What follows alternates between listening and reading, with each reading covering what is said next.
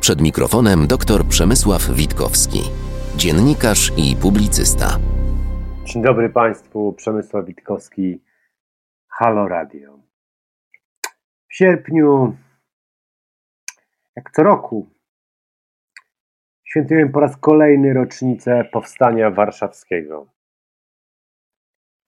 Po raz kolejny prezydent, premier, posłowie będą składać kwiaty, a patriopolo rozleje się po ulicach naszych miast, bo znowu będziemy czcić tę narodową tragedię. I od razu z tej okazji nasuwa mi się pytanie. Miły patrioto w koszulce, 63 dni chwały, 44 pamiętamy, czy innym w ten deseń ubranku.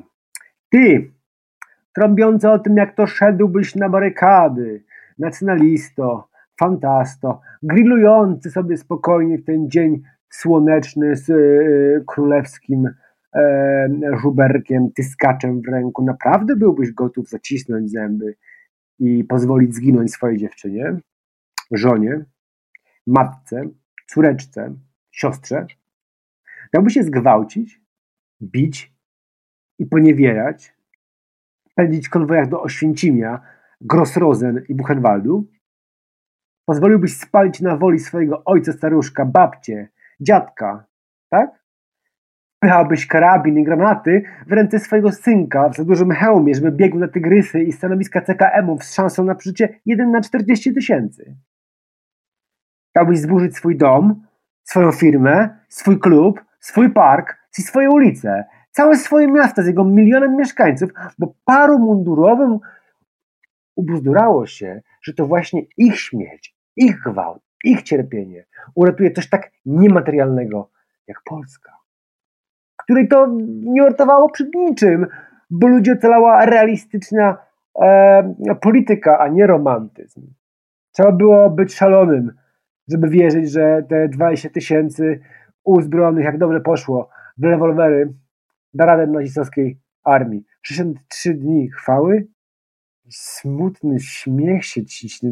200 tysięcy trupów. To są fakty. Wchodziłoby, że jeden taki dzień chwały wart jest 3174 żyć. 200 tysięcy światów w ten dni umarło. Warto było?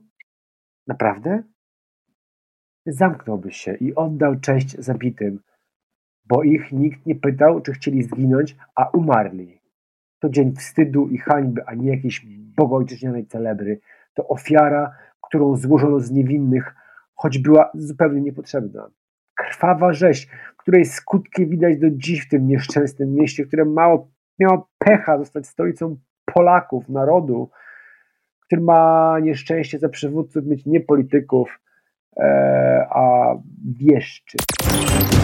Wspieraj niezależne Halo Radio, które mówi wszystko. www.halo.radio